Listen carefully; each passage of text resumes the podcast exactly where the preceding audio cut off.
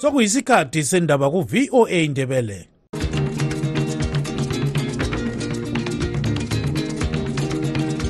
amatshono zihlobo siyalamukela kuhlelo lwethu lwezindaba eziphathelane lezimbabwe.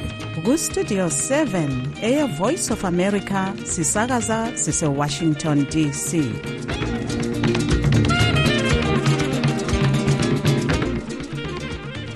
siyahlangana kwezakusihlwa mthwakazi omuhle kustudio 7 ngolwesibili mhlaka 22 kuzibandlela 2024 igama lami nguntungamili nkumo endabeni zethu lamhlanje abatsha abakhokhela inhlanganiso ye-job seekala solidarity movement bakhuthaza uzulu wezimbabwe ukuba aphume ngobuningi kusasa esiya emthethwanindaba kamantshi weharare lapho okuzabe kugwetshwa khona umnumzana job sikhala.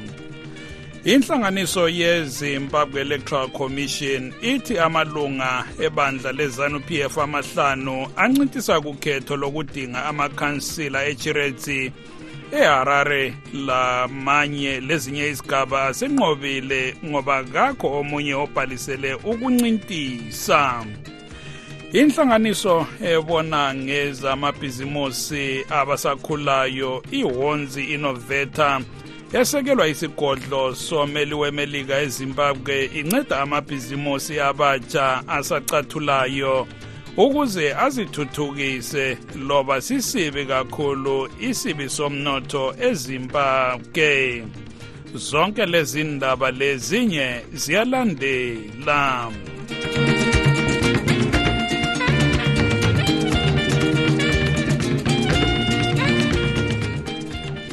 abatsha abakhokhela inhlanganiso ye-job seekala solidarity movement bakhuthaza uzulu wezimbabwe ukuthi aphume ngobunengi esiya emthethwanindaba kamantshi weharare kusasa lapho okuzabe kugwetshwa khona umnumzana job seekala owetheswa icala lokutshotshozela udlakela kulandela ukubulawa kowayesekela ibandla le-citizens coalition for change i-triple c unkosazana mo blessing ali yena owathunjwa ngumsekeli wezanu pf kubika umlondolozi ndlovu.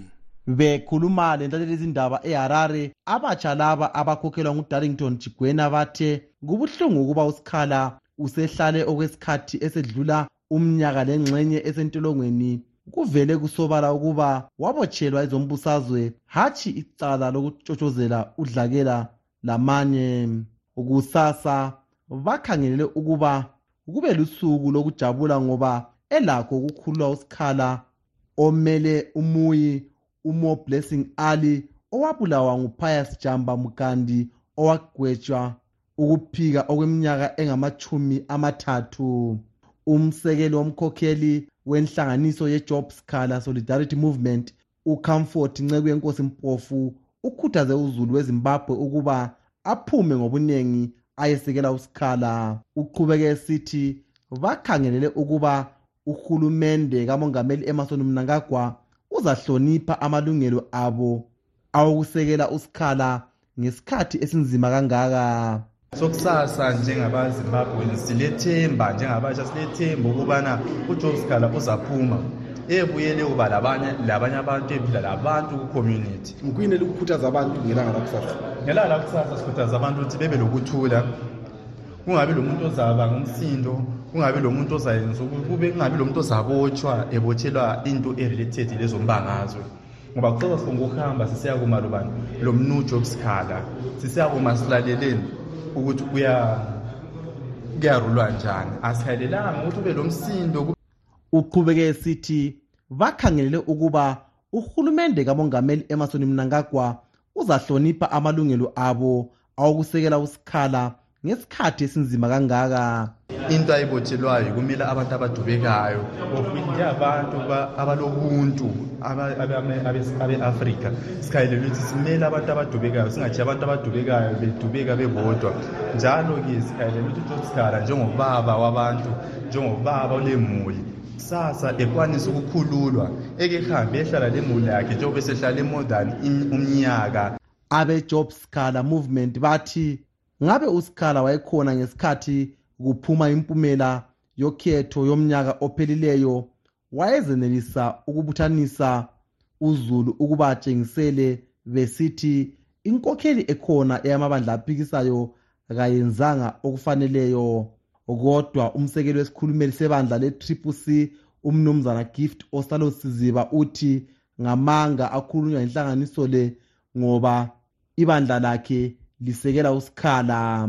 Asikhuthaza abantu bonke ukubana be-athende-ke inhlelo zokudimanda ukubana honorable sikhala-ke ephumiswe ejele ngenxa yokubana cala okokuqala okwesibili njalo siyakwazi ukubana u-honorable sikhala wabotshwa-ke eyimemba yephalamenti okutshengisa ukubana-ke sonke kufanele ukuthi sihlangane ndawonye ukudimanda i-freedom akhe. Ngenxa yokubana-ke umthetho welizwe kufanele u-aplaye universally and fairly kumuntu wonke wezimbabwe. Yikho thina sijoyine labantu bonke ukubana-ke kumenyezela ukubana u-honorable sikhala-ke. Usiziba uthe okwenzakala kusikhala kubangelwa libandla le-zanup f elithanda umbuso wentando kayiphikiswa. Kodwa isikhulumeli se-zanup f umnumzana farai marapira uyakuphika lokhu? Lokhu akusiqiniso ngoba izanu-p f kayilani lalokho okwenzakala emthethwandaba loba kwezomthetho. Okubandla le-people's unity party umnumzana yebet jamuka uthi kakholwa ukuba usikhala uzakhululwa kusasa ngoba izanu-p f yesaba abantu abalesibindi njengosikhala asiboni ujob scala enikwa ibheyili but sibona ujob scala ebiselwa back enkantolo ngoba izanu PF solongo igijima phambili kwekhesi kaJob Scala eh angiboni ikhoti izokhipha uJob Scala esiya emzini wakhe but ingaphindisa uJob Scala ejele. So siyacela kakhulu iphathi yezanu PF ukuthi mayiyeke mayiyekele ukungenela kuzinto zekhoti akwaziwa ukuba umantshi mare wanazo gofa uza kwethula isigwebo esinjani njengoba kulabanye abathi imithethwandaba isezandleni zikahulumende wezimbabwe owebandla lezanup f. Uhulumende uthi lokhu ngamanga aluhlaza tshoko ngoba imithethwandaba izimele. Ngimele istudio 7 ngiseharare. Ngingumlondolozi ndlovu The voice of America.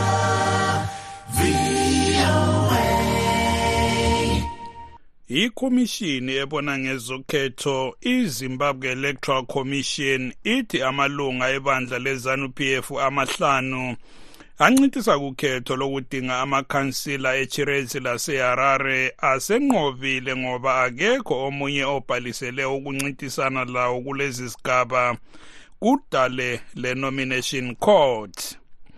Ibandla le-triple c lithi liyakusola kakhulu lokhu ngoba lilokhe lisaphikisa isinqumo somthethwandaba esokuvinjwa kwamalunga alo ukuthi ancintise kulolu khetho ngumnumzana sengezochabangu yena ozithi ungunobhala jikelele we-triple c kodwa laye ongabhalisanga abazancintisa kulezi ndawo. Ukuhlaziya lolu daba usithandekile mhlanga westudio 7 kuxoxile lo mnumzana bernard bhekilizwe ndlovu ocubungula ezombusazwe. Into eyenzakala ezimbabwe ngalesi sikhathi eh, endabeni leyi yama-elections yama-by-elections yokhetho yingxabangxoza. Ungayibiza ngesindebele ukuthi yingxabangxoza. Wonke umuntu ophakathi kwayo ulalokhu akufakileyo ongathi ngesilungu yi-contribution. Izanu p f eh kuyazakala ukuthi iyazama ngazo zonke indlela ukuthi ithole ukunqoba noma kunganqobeki. Into eyazakalayo yimbali yayo vele leyo. Sesingathi ngezinye indlela yikho abakufakileyo i-contribution yabo kule ingxabangxoza esiyibonayo. Ukuthi bethi bebona eh ibandla eliphikisayo lile ngxabano phakathi kwalo bese bengena ngokuphangisa kakhulu bahle bahlanganise okuhlanganisekayo banqobe baphume sebenqobile. Bese kusithi-ke ibandla layo yona i-ccc yilo eli elifake okukhulu ngezinye indlela elicontribute okukhulu kuleyo ngxabangxoze eyenzakala e, e, elizweni lasezimbabwe. Ngokuthi um lehluleke ukuthi livumele uzibuse um eh ukubusa kwabantu idemocracy ukuthi yenzakale phakathi kwebandla layo. Yona idinga ukuthi ibe yiyo e, engena endaweni yezanu. Kusasa abantu babusakale eh ngokukhululeka. So ihle yaveza yona iseseyiphathi ingakabi igovernment ukuthi ayikukhoni lokhu ngokuthi ah kube lokukhalaza kwabantu phakathi ukuthi kuloku kulokufosezelwa eh eh ukungeniswa ngenkani langamandla kwalabo abafakiweyo eh baba yibo ababemele em izindawo ezithize kwahle kwavusa umsindo phakathi. Kwa ukhophe loluvuke phakathi lugcineke solu solusenza ukuthi abantu abanjengabo chabangu baphakame eh bayenze khona kwabakwenzayo so kungaba ke okuzwisa ubuhlungu ukuthi eh into eyenziwa ngochabangu isiqhubekisela phambili ukubusa kwezanu. Yikho kungabe kuzwisa abantu abaningi ubuhlungu. Kodwa-ke ma uzama ukuthi bazwise labo uzazibuza ukuthi um okungayisikufa yikuphi kubo um bona ochabanga okuyinto kumele ukuthi i-ccc ma ifuna ukuthi ibe lekusasa izibuze khona ukuthi kambe ukuthi uzufikisa abantu ebangeni lokuthi bathi bona okungayisikufa yikuphi. Um bagcine bethi lokubuswa izanu yikufa ukubuswa yi-ccc yikufa. Bathi ah ngcono nje vele kwenzakale khona okwenzakalayo lathi singene sidilize uyabona ma besisakhula eh abanye babengafuni ukudlala laba bekuvayela phandle bese besakha izindlu zabakhe babumba inkomo zabo lezindlu lani lani lemota wena ubusubuya ngenxa ukuthi ulethuwa lakhona ufika udilize zonke lezi zinto. Uthi ah ngcono singadlali sonke. Yikho kokwenzakala ezimbabwe yengikubiza ngithi yingxabangxoza. Umnumzana Bernard Beki lizweni Ndlovu ucubungula ezombusazwe njalo ubexoxa lo sithandekile mhlanga we studio 7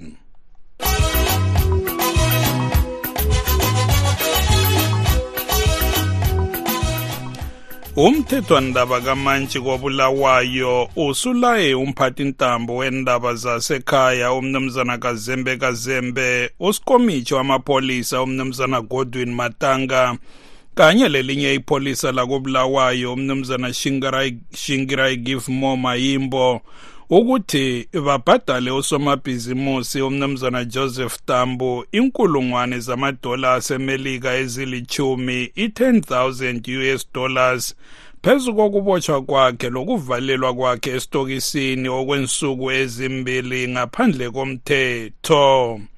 Utambu ongumqondisi wenkampani yeprod software enterprises wabotshwa ngo-2021 ngemva kokumangalelwa igwanda state university isithi wayengalethanga ikhamera eyayithengwe yileli koliji lokhu kwadala ukuthi utambu abotshwe njalo wakhululwa engetheswanga cala okwabangela ukuthi amangalele amapholisa labakhulu bawo.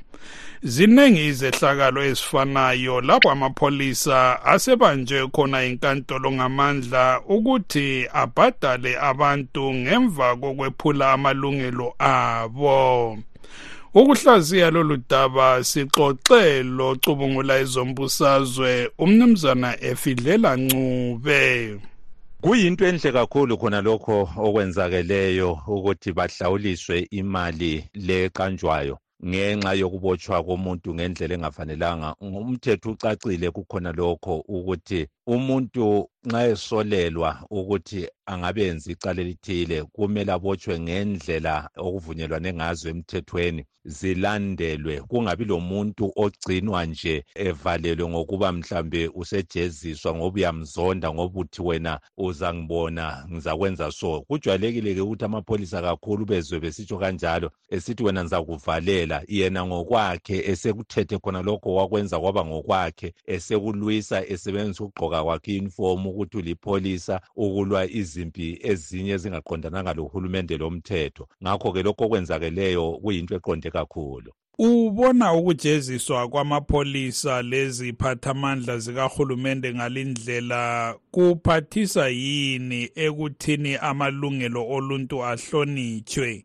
Ngoba sesike sabona esikhathini esedluleyo ejeziswa amapholisa ebhadaliswa izimali kodwa ukwephulwa kwamalungelo kuqhubeka nje. Zona bezifanele ziphathise izijeziso ezifana lazona lezo ukuthi kungabe kusaqhubeka ukuhlukunyezwa kwamalungelo abantu. Inkinga yikuthi imali yakhona isuka iphansi kakhulu. Ngakho-ke kuyadingeka ukuthi ikhwezwe imali iye phezulu lezahlawuliswa uhulumende ngokubotshwa kwabantu ngendlela engafanelanga ngokwephulwa kwamalungelo abantu. Kodwa-ke njalo umthetho uyavuma ukuthi ipholisa lona ngokwalo likhitshiswe imali lona ngqo. Hhayi njengalokhu ukuthi uhulumende nguye ozayikhipha lona ngqo ngokwalo okunjengokuthi njengamanje ngabe sikhuluma ngokuthi uhulumende kuthiwe kakhiphe i-100 000 ipholisa kwathiwa kalikhiphe lona ngokwalo ngqo emholweni walo i-10 000 us dollars. Yizo izinto ezenza ukuthi kungaqhubeki ukuhlukunyezwa kwabantu kusiya phambili ukuhlukunyezwa kwamalungelo abantu kusiya phambili. Uma wona amapholisa ngokwawo okuthiwa yi-personal yena kuthiwe kakhiphe i-20 000 i-10 000 babekwazi ukuthi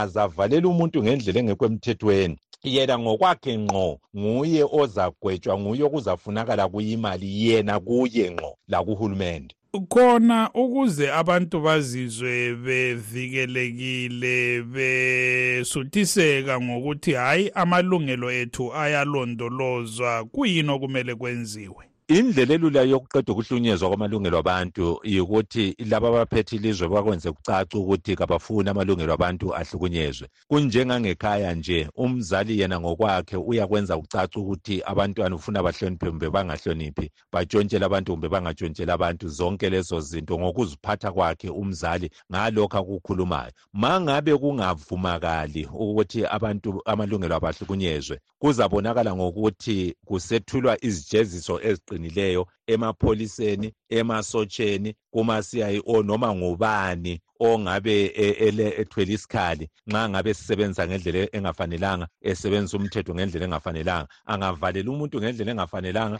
kumbe ahlukumeze amalungelo akhe abesejeziswa kakhulu. Bazakwazi ukuthi abakhulu abaphethe ilizwe kabakufuni lokho okwenzakalayo abafuni kuhlukunyezwa kwamalungelo abantu. Okwamanje akukacaci kakula meseji ecacileyo ethi hhayi kasifuni kuhlukunyezwa amalungelo abantu. Um yikho kuqhubeka kusiya phambili. Umnumzana efidlela ncube yingcwethi kwezombusazwe.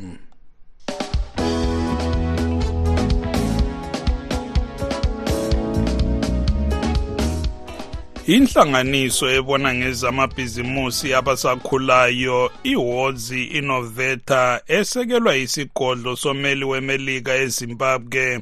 Inceda amabhizimusi abatsha asacathulayo ukuze azithuthukise loba nje sisibi kakhulu isimo sezenotho elizweni. Linhlanganiso ikhangelelwe ukuqhuba imihlangano yemfundiso lonyaka eyokwabela abatsha ulwazi lwezamabhizimusi. Utobias mudzingwa usipha lolu daba.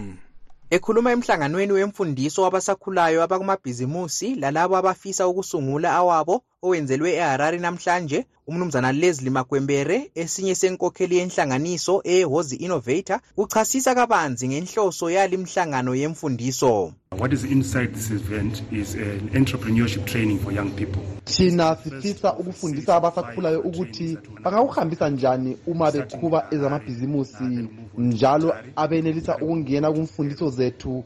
Yilabo abaleminyaka engu-18 kusiyafika ku-35 siqale lapha eharare kodwa sizakuya kobulawayo siye egweru kanye lasemtare leli lithuba lokuthi bonke abasakhulayo abangathanda ukungena kwezamabhizimusi bebuye bezothola ulwazi omunye wabasakhulayo utsitsi mashababe ohlala eharare uthi kunzima ukusungula ibhizimusi ezimbabwe ukuqala ibhizimusi lapha ezimbabwe technically it is there are a lot of business ventures you can go into. But just running the business yikho kufuna ama-skills amaningi.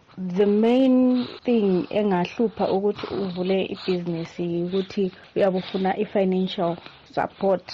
Umhleli ncube isakhamuzi sakobulawayo uthi abatsha balakho ukusungula amabhizimusi bengadonsa ndawonye. Ngoba isimo esiphila kiso kunzima ukusebenza wedwa ukudonsa wedwa. So nxa singahlanganisa imiqondo um sitshintshane lolwazi ilezi ndlela ezingasibonisa ukuthi mhlawumbe nxa singabambana sisebenze sonke singakwazi ukuthi sizincedise ngokwemali ngokwamaqhinga kukanye lokufinyelela kwabaphatha izintambo emahhofisini kuhulumende ukuthi basincedise ngalokho abalakho ukwenzela ukuthi icommunity zethu zazo ziqhubekele phambili ukufundiswa ngezamabhizimusi okwenziwe namuhla bekusekelwa nguhulumende wemelika inhlanganiso yase-eswatini e-ejufree lekholiji ele-iowa university yasemelika. Omunye walabo abasebenza kuhlangothi lokudlelana lozulu esigodlweni sommeli wemelika ezimbabwe unkosikazi rebecca archer nepa uthi usekelo lwabo lokutholisa amathuba kwabasakhulayo bakuleli luzaqhubekela phambili We are a big fan of Zimbabwean youth who are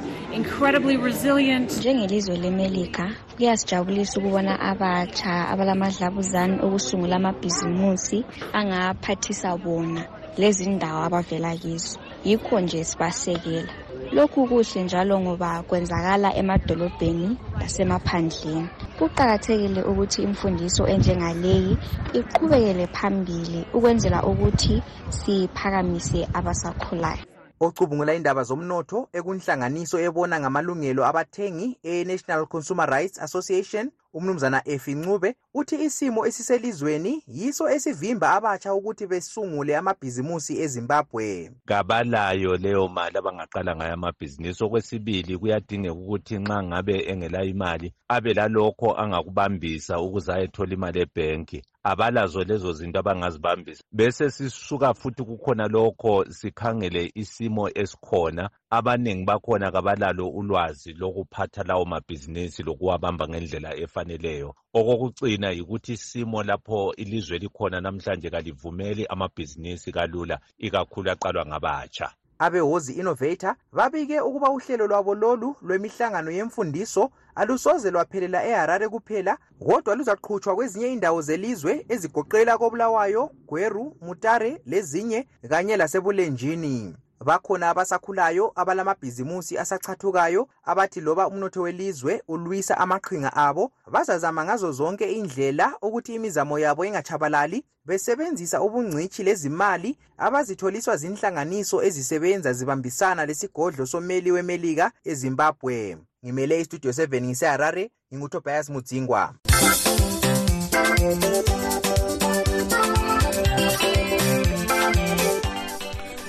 Kusigaba sezomnotho siqhubeka sixoxa labantu ezimbabwe ezigabeni ezitshiyeneyo ngababhekane lakho ngesikhathi kukhuphuka intengo yempuphu amafutha okupheka indumba lokunye okubalulekileyo empilweni kazulu.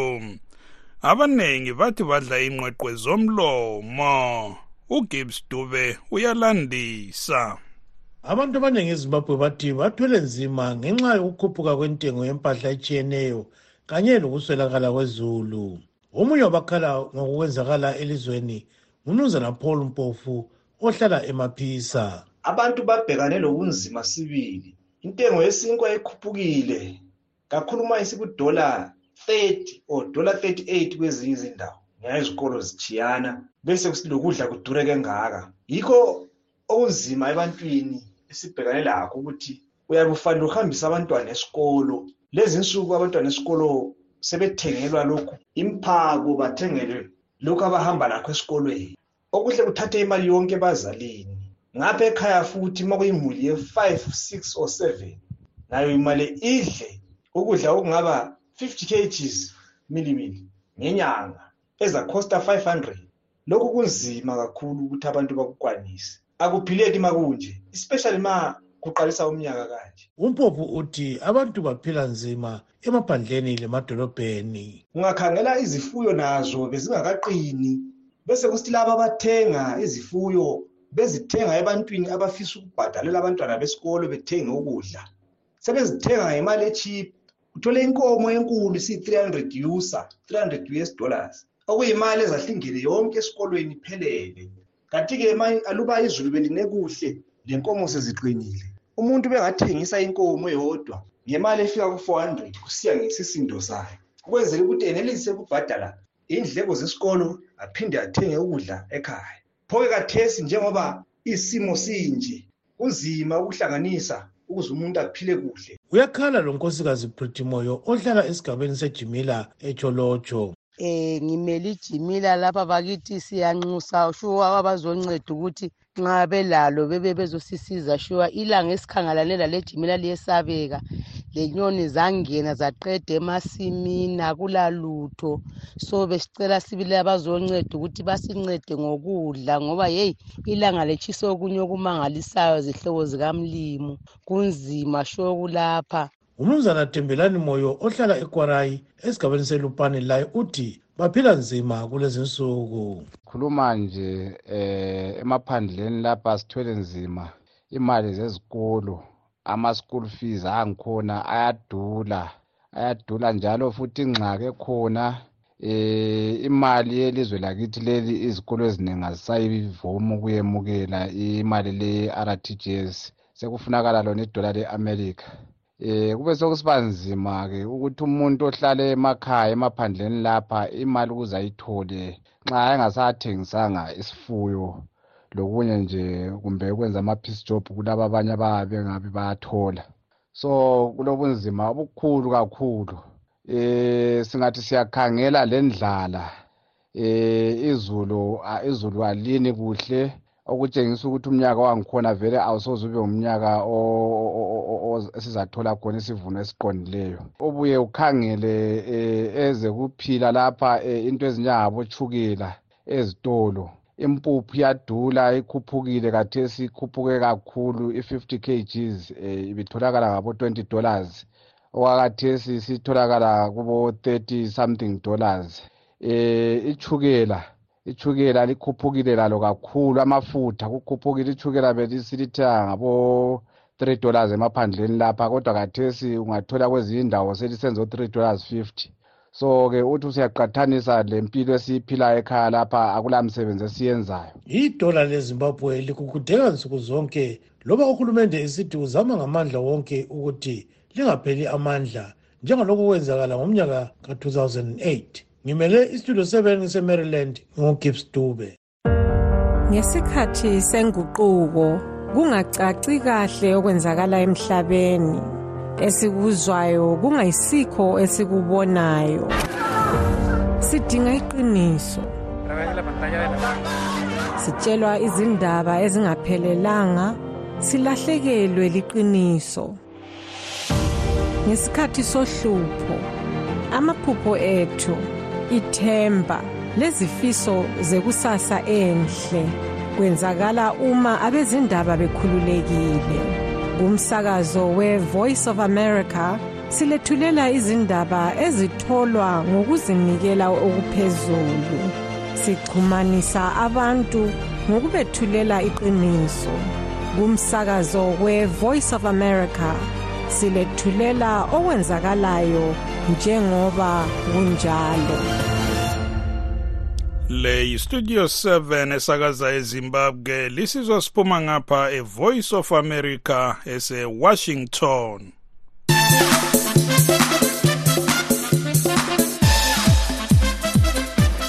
Kwezemidlalo iqhubekela phambili imidlalo ye-africa cup of nations kwele ivory coast lapho okwamanje okungqikilana khona iqembu lesenegal leleguinea. Kuthi elegambia lizadibana lelecameroon lona elithwele amagabha avuzayo kulimidlalo. Lilakho ukuphuma kumincintiswano le leli qembu lingehluleka ukunqoba namuhla. Kusihlwa eleMauritania lizanqikilana lele Algeria njalo ele Angola lizabhuqana lele Burkina Faso. Imi kanje imidlalo ezadlalwa kusasa Namibia versus Mali South Africa versus Tunisia Zambia versus Morocco Tanzania versus DRC amaqembu akhokhela izibaya ezitshiyeneyo abalisa ele-equatorial guinea cape verde senegal angola le mali kwanele mthwakazi olivalelisayo nguntungamili nkomo. Lilanga.